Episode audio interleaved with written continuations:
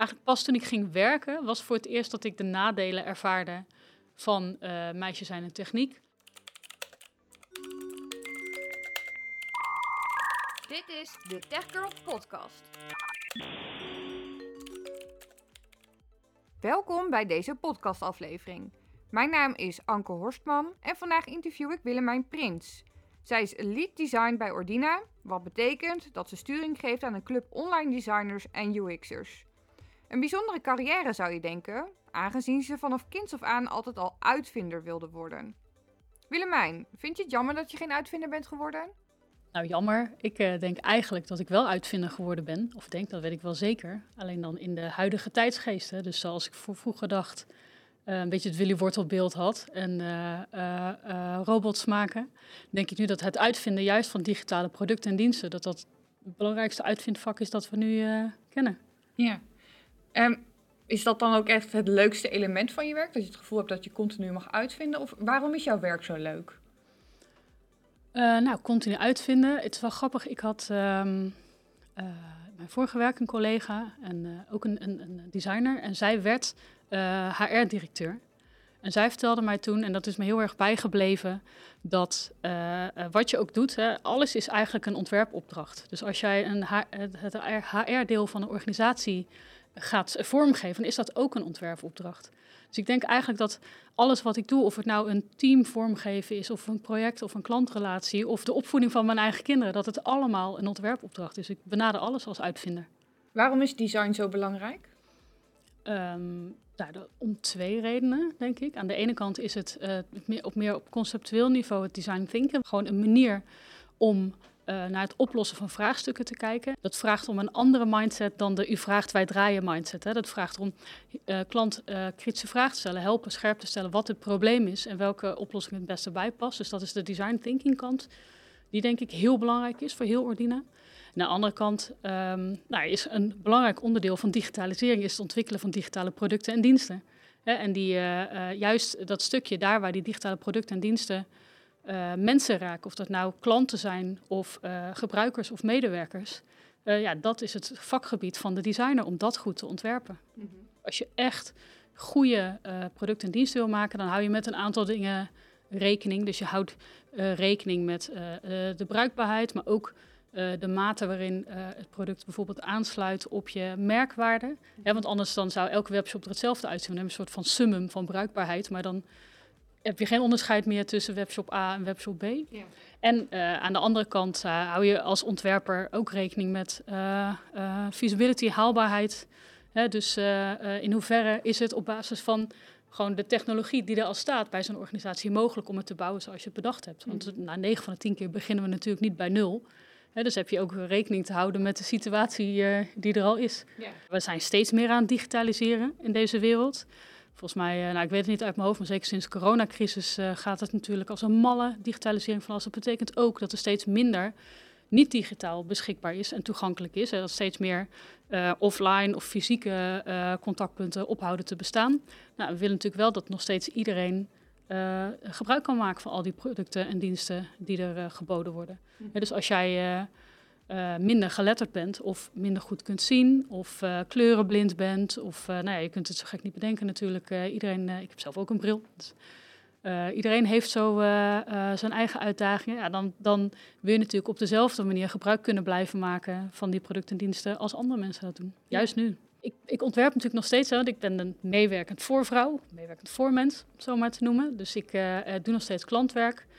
Uh, en daarbij uh, met name dat eerste stukje Discover, Define en meer de grote lijnenconceptontwikkeling.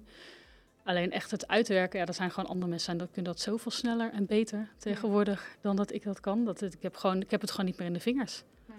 Dus ik heb nooit met Figma gewerkt, bijvoorbeeld. dat is gewoon echt van na mijn tijd wat dat betreft. Mm -hmm. Je benoemt nou net heel specifiek het woord voor man, voor mens, voor vrouw. Ja. Waarom doe je dat? Ja, ik zei niet voor man, natuurlijk. Uh, nou ja, omdat, uh, uh, en eigenlijk vind ik, want ik zei voor vrouw en corrigeerde mezelf naar voor mens. Dat is eigenlijk een raar woord natuurlijk, hè. Maar eigenlijk vind ik het gewoon jammer dat er een bepaalde gender opgesloten zit in de term. en uh, omdat het namelijk niet uit zou moeten maken of je iets, of nee, niet, ja, soms wel, hè, bepaalde dingen wel. Maar in dit geval zou het niet uit moeten maken of je man of vrouw bent. En waarom zou ik mezelf, omdat we dat nou eenmaal zo noemen, dan een meewerkend voor man moeten noemen? Ik ben geen man. Mm Dus dan het liefst zo neutraal mogelijk. maar heb je dan ook een hekel aan het woord directrice bijvoorbeeld in plaats van directeur? Nou, sowieso niet een hekel. Hè, want ik, nou ja, ik noemde mezelf ook meewerkend voor vrouw. Alleen in dit geval is, nou ja, kun je ook voor mens zeggen. Mhm. nou, in, in, het geval van directeur, directrice is natuurlijk niet, er is geen, voor zover ik weet, neutrale variant. Uh, anders zou ik die het liefst willen gebruiken.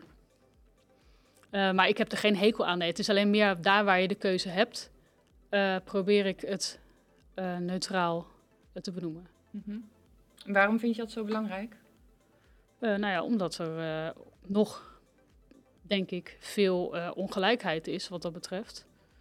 En het dus belangrijk is om daar een, een voorbeeld. Ja, ook taal is, maakt natuurlijk heel veel uit, hè, hoe je dingen benoemt, hoe je over zaken praat. En ik, ik, ik, ik, betrap mezelf er ook wel eens op dat ik iets op een bepaalde manier benoem, dat ik denk van, oh, daar zit al een, een, een vooroordeel in opgesloten, zeg maar. Ja, dus ik probeer daar op momenten dat ik me er bewust van ben, in ieder geval zo min mogelijk vooroordelen hè, uh, uh, of belemmerende overtuigingen op te sluiten in mijn eigen taalgebruik. Mhm. En dan is meewerkend voormens neutraler dan als je meewerkend voorman zegt, zou je daar misschien al mee kunnen impliceren dat het meestal een man is die die rol vervult. Dat hoeft natuurlijk helemaal niet, of misschien is dat nog wel zo, maar dat zou natuurlijk niet zo moeten zijn. Ja. En in hoeverre laat je dat ook meewegen, zeg maar, in je werk? Dus in hoeverre neem je dat mee in je werk dat je ook, nou ja, misschien oppast met hoe je mensen aanspreekt of hoe je omgaat met mannen en vrouwen? Wat, wat, wat kun je daarover zeggen? Nou ja, ik probeer daar dus zo uh, neutraal mogelijk in te zijn. En uh, op de momenten dat er vooroordelen ter sprake komen, dat ook te benoemen. Ik ben sowieso wel heel, heel erg mee bezig. Um, om daar, heel bewust mee bezig. Met het onderwerp. En ik heb de afgelopen, nou ja, alweer een jaar geleden afgeronden, maar tweejarige uh, NLP, neurolinguistisch programmeren, opleiding gedaan, waarin je ook heel erg bezig bent met hè, onbewuste denkpatronen doorbreken, belemmerende overtuigingen. En mede daardoor ook juist heel bewust geworden van nou, en wat taalgebruik doet en welke belemmerende overtuigingen je eigenlijk zelf ook nog hebt. Dus het is wel iets waar ik, me, waar ik wel heel bewust mee bezig ben. Dus bijvoorbeeld met een managementteam, om dat dan te benoemen in de samenstelling van mijn eigen team. Uh, waar mogelijk ook vrouwen de ruimte te geven. Um, ja, de, ik, ja, waar mogelijk ben ik er bewust mee bezig. Maar ik wil wel misschien nog even daaraan toevoegen dat ik zou niet. Het, het, gaat mij er niet om om nu vrouwen voor te trekken met als doel om dan weer tussen aanhalingstekens gelijk te komen staan. Het gaat mij juist om het doorbreken hè, van die belemmerende overtuigingen of die vooroordelen die niet nodig zijn. Mm Hè, dus uiteindelijk is het nog steeds belangrijk dat we de, de right person for the job hebben, in welke setting dan ook. Ja, ja. Wat vind je dan bijvoorbeeld van het quotum van het aantal vrouwen bijvoorbeeld in de top? Ja, dat vind ik dus ingewikkeld. Mm -hmm. dus uh, ik, zou, ik, ik, zou ook niet willen zeggen dat ik het per se een tegenstander van ben. Maar je weet niet zo goed zeg maar, hoe dat dan uitspeelt, zo'n incentive. En dus als het een manier is om uh, uh, die vooroordelen uh, zichtbaar te maken en een beetje die patronen te doorbreken, is natuurlijk helemaal prima. maar je, je creëert er misschien ook wel weer een beeld mee dat een vrouw op een positie is gekomen omdat er nu eenmaal meer vrouwen in die positie zouden moeten komen. Hè? Dus dan daarmee ondermijn je dan ook de positie van zo iemand. Dus dat mhm. denk, daarom, ik vind dat het is heel ingewikkeld. Want het is altijd, uh, uh, je, je, verandert iets aan een systeem, je draait aan één knop en je weet niet precies wat dat met het hele systeem doet op dat moment. Ja. Vind je niet dat we een beetje doorslaan in dat we moeten meer vrouwen in de top, we moeten meer vrouwen in de IT hebben, we moeten... En waarom niet? Nou, het, is, heel resoluut nee. Ja, nou, het is nog niet eerlijk verdeeld. Het is heel grappig dat ik uh, had het er met mijn vader laatst over. En die vindt het ook een beetje onzinnig. natuurlijk, mijn vader is natuurlijk een uh, nou ja, white, meer dan middle-aged uh, man inmiddels. Eh, vertelde ik hem dat, uh, ik weet niet, je hebt op een gegeven moment heb je equal pay day en de rest van het jaar werken vrouwen gratis, tussen aanhalingstekens. en hij wist dat niet eens. En hij zei van, nou, dat is belachelijk. Ik zei, ja, dat is zeker belachelijk. En weet je wat nog belachelijker is? Dat je niet eens weet dat het zo is. dus nee, het is nog niet eerlijk verdeeld. en waarom zouden, en daar zijn dus echt goed aan gerekend. Het is echt niet alleen maar omdat we uh, deeltijdprinsesjes hebben. Vrouwen verdienen gewoon minder, punt. Nog van de term deeltijdprinsesjes. Uh, dus ja, weet je, het is nog niet eerlijk verdeeld. En waarom zou je niet mogen strijden voor een eerlijke verdeling? Mhm. Waarom, waarom moet je accepteren dat het oneerlijk is? Maar jij zit toch al op een hele goede positie. Waarom, waarom maak je dan zo sterk voor de anderen? Nou ja, juist omdat ik uh, denk ik uh, in de luxe positie zit dat ik me sterk kan maken voor anderen. En uh, kijk, ik heb het geluk dat ik, nou, ondanks dat mijn vader niet op de hoogte was van Equal Pay Day, een hele, zeg maar, mijn ouders hebben gewoon gekeken naar wie ik was of ben, hè, wat ik als kind nodig had. Dus ik ben heel erg in die zin genderneutraal opgevoed. Er is nooit iemand die getwijfeld heeft of dat ik naar een technische universiteit zou moeten gaan of niet. en dat geldt natuurlijk niet voor iedereen of voor alle uh, nou ja, uh, jongens en meisjes wat dat betreft. dus ik, juist in de positie waar ik in zit, wil ik andere mensen ehm, helpen met het doorbreken van die, van die, van die belemmerende overtuigingen. Ja. dus voor, voor, mij, je hoeft niet in de IT als vrouw. Je moet gewoon doen, of je moet doen, je mag doen wat je zelf leuk vindt. Maar, maar weet dat het gewoon een van de opties is. Even, even goed een optie als alle andere dingen die je zou kunnen kiezen. Mm -hmm. Net zoals dat er misschien meer mannen in het onderwijs zouden moeten gaan. Ja. Zouden kunnen. Zouden kunnen, ja, precies. Hè? Of dat... Uh, uh, waarom er zouden ook mannen de kinderen en het huishouden kunnen doen. En dat zou, dat zou dan ook niet frowned upon hoeven zijn door anderen. Dan zou, ben je ook niet minder man als je dat doet. Als, om eens even een tegenvoorbeeld zo te geven. dus voor iedereen, voor iedereen zouden alle opties gewoon open mogen liggen. en kies gewoon wat bij jou past. Je bent zelf uh, moeder van twee kinderen, twee jonge kinderen nog. Klopt, ja. Um, ja, laat je dat dan ook, zeg maar, neem je dat ook mee in de opvoeding van je kinderen? Dus dat je ook kijkt naar, ja joh, uh, jongetje moet misschien niet altijd met technisch speelgoed spelen. ja, wat, wat doe je wel of wat doe je juist niet? nou ja, het is wel grappig. Wij kwamen er achteraf achter dat we onze kinderen allebei een redelijk genderneutrale naam hadden gegeven. Dus onze dochter heet Robin en onze zoon heet Guus. Mm. Nou, dat had natuurlijk ook uh, net andersom gekund. Is niet overigens geen bewuste uh, keuze geweest. Uh, ja, ook wij, en dat zal ook zijn vanwege het voorbeeld dat ik van mijn ouders gekregen heb, denk ik, kijken vooral naar het kind zelf. Hè, en wat hij, zij en hij leuk vinden en nodig hebben. Mhm. En in ons geval is dan grappig genoeg wel zo dat Guus, de jongste, het jongetje, nou, die zegt dat hij wetenschapper is en die wil robots maken. En dat is dus echt ons bedtijdje, zeg maar. En uh, Robin, uh, de oudste, ons meisje, die, is, uh, die wil laten dierverzorger worden. En dat is wel meer de, de standaard rolverdeling wat dat betreft. Dus dat is wel grappig. Maar ja, weet je, dat is ook prima. Als zolang ze iets kiezen wat bij ze past. Hè. En het is natuurlijk altijd een beetje moeilijk. Of je weet nooit zeker, die keuzes die ze maken, komt dat uit henzelf? Hè? Of is dat toch ook weer beïnvloed door omgeving? Want wij zijn natuurlijk niet de enige die hun keuzes beïnvloeden. Dat is ook familie, vrienden, school, opvang, alles. Dus je weet het niet zeker, maar wij proberen het vooral mee te geven dat ze mogen kiezen uh, wat zij willen kiezen, wat bij hen past. Denk je dat ook vanuit hunzelf, vanuit hun intrinsieke motivatie komt? Of denk je wel dat het iets uit de omgeving, uh, uh, dat het daar vandaan komt? Nou, je merkte aan Robin toen ze heel jong was, uh, was echt een tomboy. Dus zij hield van, ik weet niet of het dan met Paw Patrol en wat heb je nog? Nou, allemaal echt die, die superheldenachtige kinderseries. En toen ging, werd ze vier, ging ze naar school. En toen in één keer kwamen de roze dingen en de glitters voorbij zetten. Dus het was heel duidelijk de invloed hè, van, van haar omgeving destijds. Maar je zag ook wel dat zij uh, even wat tijd nodig had. Maar ook wel weer daar dan haar eigen authentieke zelf in terug wist te vinden. En nu, uh, nou ja, she can do both, zeggen we altijd. Hè. Dus uh, is nog steeds een tomboy. maar nou, soms vindt ze het ook heel leuk om zich voor een kerstontbijt op school wel weer op te tutten en de nagels te lakken. Dus nou, zij zijn van alle markten thuis, uh, denk ik, wat dat betreft. En uh, ja, dus, dus in hoeverre komt dat... Dus, kijk, we worden allemaal beïnvloed uh, door dingen om ons heen. Hè. Je hebt niet voor niks alleen nature en nurture. Dat is, dat is natuurlijk prima, zolang je jezelf daar maar niet in kwijtraakt. Ja, ja. Vind je dat we daar bewuster mee bezig moeten zijn als maatschappij zijnde? Nou ja, we zijn er natuurlijk, denk ik, met alles steeds minder. Nou ja, misschien dan nu het laatste jaar weer een kentering, maar we zijn natuurlijk met alles steeds minder bewust bezig als mensen zijnde. Vandaar ook dat, denk ik, uh, we zo'n, ook zo'n burn-out-epidemie hebben, om het zo maar te noemen. En uh, dat dingen als, als mindfulness en ja, dat, dat, dat dat veel tractie heeft op het moment. Of nou ja, bijvoorbeeld ADHD bij kinderen of kindjes met koptelefoon in de klas, omdat ze zich anders niet kunnen concentreren. Dat ligt natuurlijk niet aan ons, maar aan de wereld waar we in leven op dit moment. dus um, ik zou niet zozeer willen zeggen dat we bewuster moeten leven of meer het moment moeten leven, maar meer weer even bewust als we ooit gedaan hebben. We zijn het misschien een beetje kwijtgeraakt.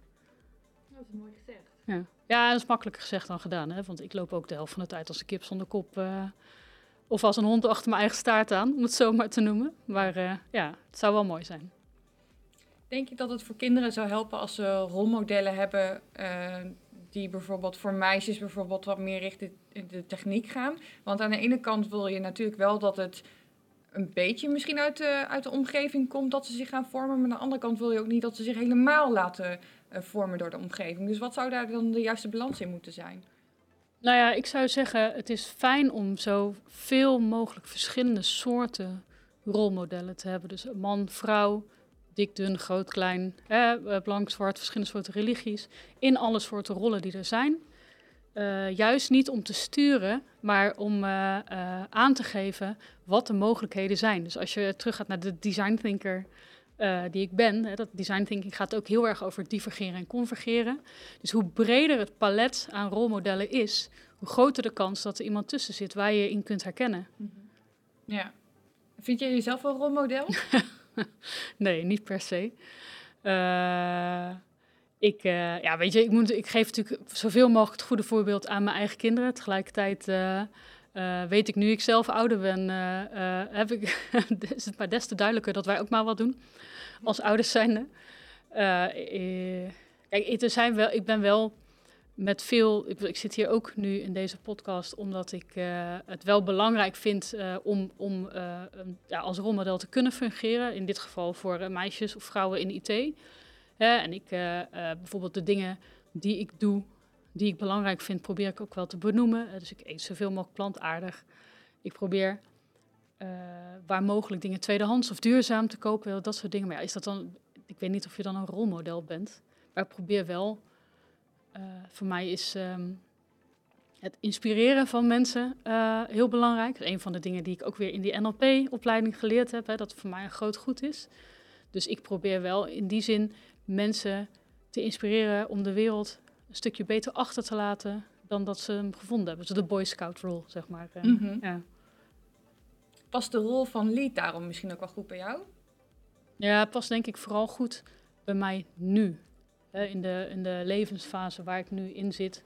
Dus ik heb, uh, nou ja, weet je, tegelijkertijd mag natuurlijk nog heel lang werken. Hè, maar aan de andere kant heb ik de afgelopen jaren veel verschillende dingen gedaan, veel geleerd. En uh, steeds meer merk je dat je uh, soort van verschuift van uh, dat je vooral veel komt halen in een organisatie, dat je steeds meer komt brengen. En nu um, is het, was dit voor mij gewoon de juiste timing om mijn eigen uh, impact of zo, of mijn eigen circle of influence te vergroten naar een designteam. Hè? En tegelijkertijd, uh, dus wat ik dan nu kom halen, is me dus eigenlijk inderdaad meer als, uh, misschien als rolmodel, maar in ieder geval in mijn leadership kwaliteiten te ontwikkelen. Dus het past gewoon goed bij het moment voor mij. Ik weet niet of het. de, nee, het is absoluut niet de rode draad in mijn leven, trouwens. Nee. Nee, want jij hebt al heel veel dingen gedaan en uh, eigenlijk wel ook heel veel disciplines al uh, geleerd en gedaan.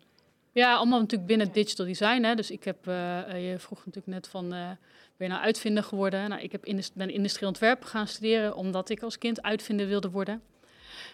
want dat leek mij bij uitstek de uitvindersopleiding in die tijd. Ik denk dat dat misschien nog steeds wel zo is. En ik heb daar design for interaction gedaan, want juist de menselijke kant van het product ontwerpen uh, bevalt mij. En toen daarna ben ik natuurlijk um, het eigenlijk meer het, ontwerpen van digitale producten ingerold. Dat is ook omdat het wat kortcyclischer is, het gaat wat sneller. Dat past ook weer goed bij mij. Ik als ontwerper gewerkt, als ja, soort business development-achtige rol was dat toen. projectmanager, stratege, accountmanager, ook meer de commerciële kant proceskant. Uh, nou, ik ben ook wel eens Scrum Master geweest, product owners, meer het agile uh, gebeuren. Ja, en nu dan uh, inderdaad als design lead, dus als meewerkend voor mens. Dus ja, ik denk juist ook omdat ik zowel bij aan klantzijde verschillende soorten klantzijde gezeten heb, als in de dienstverlening, uh, shareders-achtige setting, als bij ontwerpbureaus, dat ik heel veel perspectieven op het vak uh, meebrengen. En daardoor ook weer uh, bewuste keuzes kan maken in hoe we het ontwerpteam nu vormgeven. Vrouwelijke UX'ers, zijn ze er wel? Zijn, zijn ze er wel genoeg? Ja, ik ken heel veel hele goede vrouwelijke UX'ers. Sterker nog, ik denk dat, uh, nou ja, niet, niet 100%, maar, want dan doe ik een aantal mannelijke UX'ers ook tekort. Maar een paar van de beste UX'ers die ik ken zijn vrouwen. Dus ja, en of het er genoeg zijn. Kijk, Ehm, toen ik studeerde in Delft, dat was natuurlijk niet echt een digital design opleiding destijds, want dat was nog een beetje voor de tijd dat we allemaal digital design deden. Toen was uh, ontwerpen samen met bouwkunde denk ik wel een van de twee studies in, uh, nou, in de ingenieursopleiding waar relatief veel meisjes naartoe gingen ten opzichte van de andere studies. Dus als je ergens in IT, wou ik maar zeggen, of in de, in techniek veel meisjes vrouwen zou verwachten, dan is het wel in de meer ontwerpende opleidingen. En nu, ja, ik heb daar minder zicht op. En nu heb je natuurlijk heel veel CMD, communicatie multimedia design opleidingen. Uh, en mijn verwachting zou zijn dat die verhouding daar ook anders is, maar ik weet het niet zeker. -hmm. Ja. En waarom is het zo belangrijk dat er meer vrouwen in de IT komen? Nou, omdat uh, het belangrijk is dat verschillende mensen, uh, met name de perspectieven van verschillende mensen, uh, bijeengebracht worden in het ontwerpen van producten en diensten. dus um, je kunt wel denken dat je de wijsheid in pacht hebt, maar ik, ik gaf al aan dat voor mij is, is ontwerpen ook echt een, iets wat met samenwerken te maken heeft, juist ook vanwege al die verschillende perspectieven. Um, dus dat zou voor ontwerpen ook zo moeten zijn. Hè? Dus, en het voorbeeld is dan, uh, of ik weet niet of ik dat nog een keer moet noemen, maar um, uh, dat, uh, ik las in het boek van Chantal Schinkels, uh, It Girl, IT Girl, dat er een menstruatie-app door alleen maar blanke mannen ontworpen is. Nou, vind ik toch bijzonder, want wat weten die nou van menstruatie? Ja, precies. Um, is de IT wel aantrekkelijk voor vrouwen? Ik zou niet weten waarom IT minder aantrekkelijk is dan any other sector eigenlijk. Kijk, um, toen ik opgroeide, kijk, mijn ouders hebben nooit uh, uh, mij meegegeven dat een bepaald iets meer of minder bij mij zou passen dan iets anders. Ze hebben gewoon gekeken, joh, wie is Willemijn en uh, wat past bij haar. Dus op de basisschool, middelbare school was het helemaal geen onderwerp. Maar was het gewoon een non-issue. Ik vond techniek leuk, dus het was logisch dat ik me daarmee bezig hield. Ook toen ik ging studeren eigenlijk aan de TU, was het wel duidelijk dat er minder meisjes waren dan jongens. Maar was het eerder een voordeel, om heel eerlijk te zijn, dan een nadeel? Niet dat je voorgetrokken werd of zo, maar uh, uh, ja, ik weet niet. Het was gewoon, nee, ik werd ook feestje uitgenodigd en uh, was gewoon, het was gewoon een leuke tijd. Eigenlijk pas toen ik ging werken, was voor het eerst dat ik de nadelen ervaarde van meisjes zijn en techniek. Toen pas kwamen de opmerkingen van, van, oh ja, dat zal de stagiair wel zijn. Of tot aan het niveau van, joh, ik weet niet waar jij het mee bemoeit, want jij krijgt straks toch kinderen en dan stop je met werken. Nou, dat was eigenlijk pas toen ik aan het werk was. Dus laten we zeggen, de eerste 25 jaar van mijn leven was er niemand die me ooit het idee heeft gegeven dat ik niet thuis zou horen in de, in de IT of in de techniek. dus als je dan terug naar de vraag je afvraagt van, joh, is IT een sector voor vrouwen, zeg maar, waar zij zich thuis zouden voelen? Ja, mijn mening is dat, het, dat je je als individu thuis zou moeten kunnen voelen op de plek die past bij jou. Hè? Dus of je nou in de IT werkt of in de zorg of in het onderwijs of uh, noem maar eens wat. Als dat is waar jouw interesse ligt en waar je goed in bent, dan moet, zou je daar thuis moeten voelen. Of het in IT, of vrouwen zich daar op dit moment minder thuis voelen dan in andere sectoren vind ik een beetje moeilijk om te zeggen, omdat ik natuurlijk altijd in die digital design hoek gezeten heb. Dus ik heb, dan, ik, ik heb nooit in de zorg gewerkt of in het onderwijs. Ja, niet een, een klein beetje. Of in, eh, hè, dus ik weet niet of het daar minder erg is Mhm. of anders is. Je kent het verschil niet. Nee. Nee, nee. Hm. Ja, omdat je toch best wel veel hoort dat er, ehm, nou ja, dat er soms een giftige cultuur hangt binnen bedrijven voor vrouwen die in de IT eh, willen werken. Maar jij ervaart dat dus niet op die manier. Ja, giftig. Kijk, ik heb wel ehm, eh, ervaring met het glazen plafond, om het zo te noemen. Maar ja, ik weet niet of dat giftig... Ik vind het, het is eerder... eh, het, hè, dat, ik, ik, vond, ik heb het nooit als... eh, nou ja, tenminste, eh, met name toen ik ook echt... Ja, niet dat ik nou... Ik vind mezelf nog steeds jong. Maar toen ik echt jong was, toen ik net begon met werken... Hè, van die opmerkingen als eh, nou, stagiair en dit... Dat, dat is natuurlijk wel echt een beetje venijnig als Ja. mensen dat doen. Ehm, maar eigenlijk, het is eerder, hoe moet ik dat zeggen?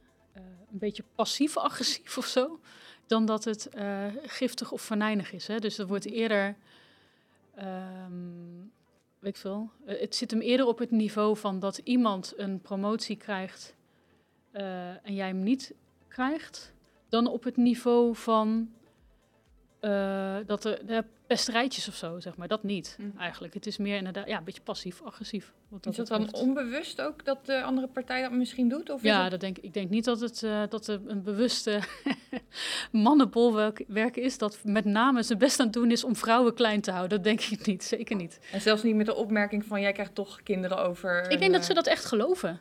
En eh, bedoel, ik vertelde over mijn vader en dat hij zich ook niet bewust was van die wage gap, zeg maar. Eh, nou ja, mijn vader is natuurlijk ook geen... Zou, het zou heel raar zijn als ik mijn vader een verkeerde vent zou noemen. Dat is namelijk helemaal niet zo.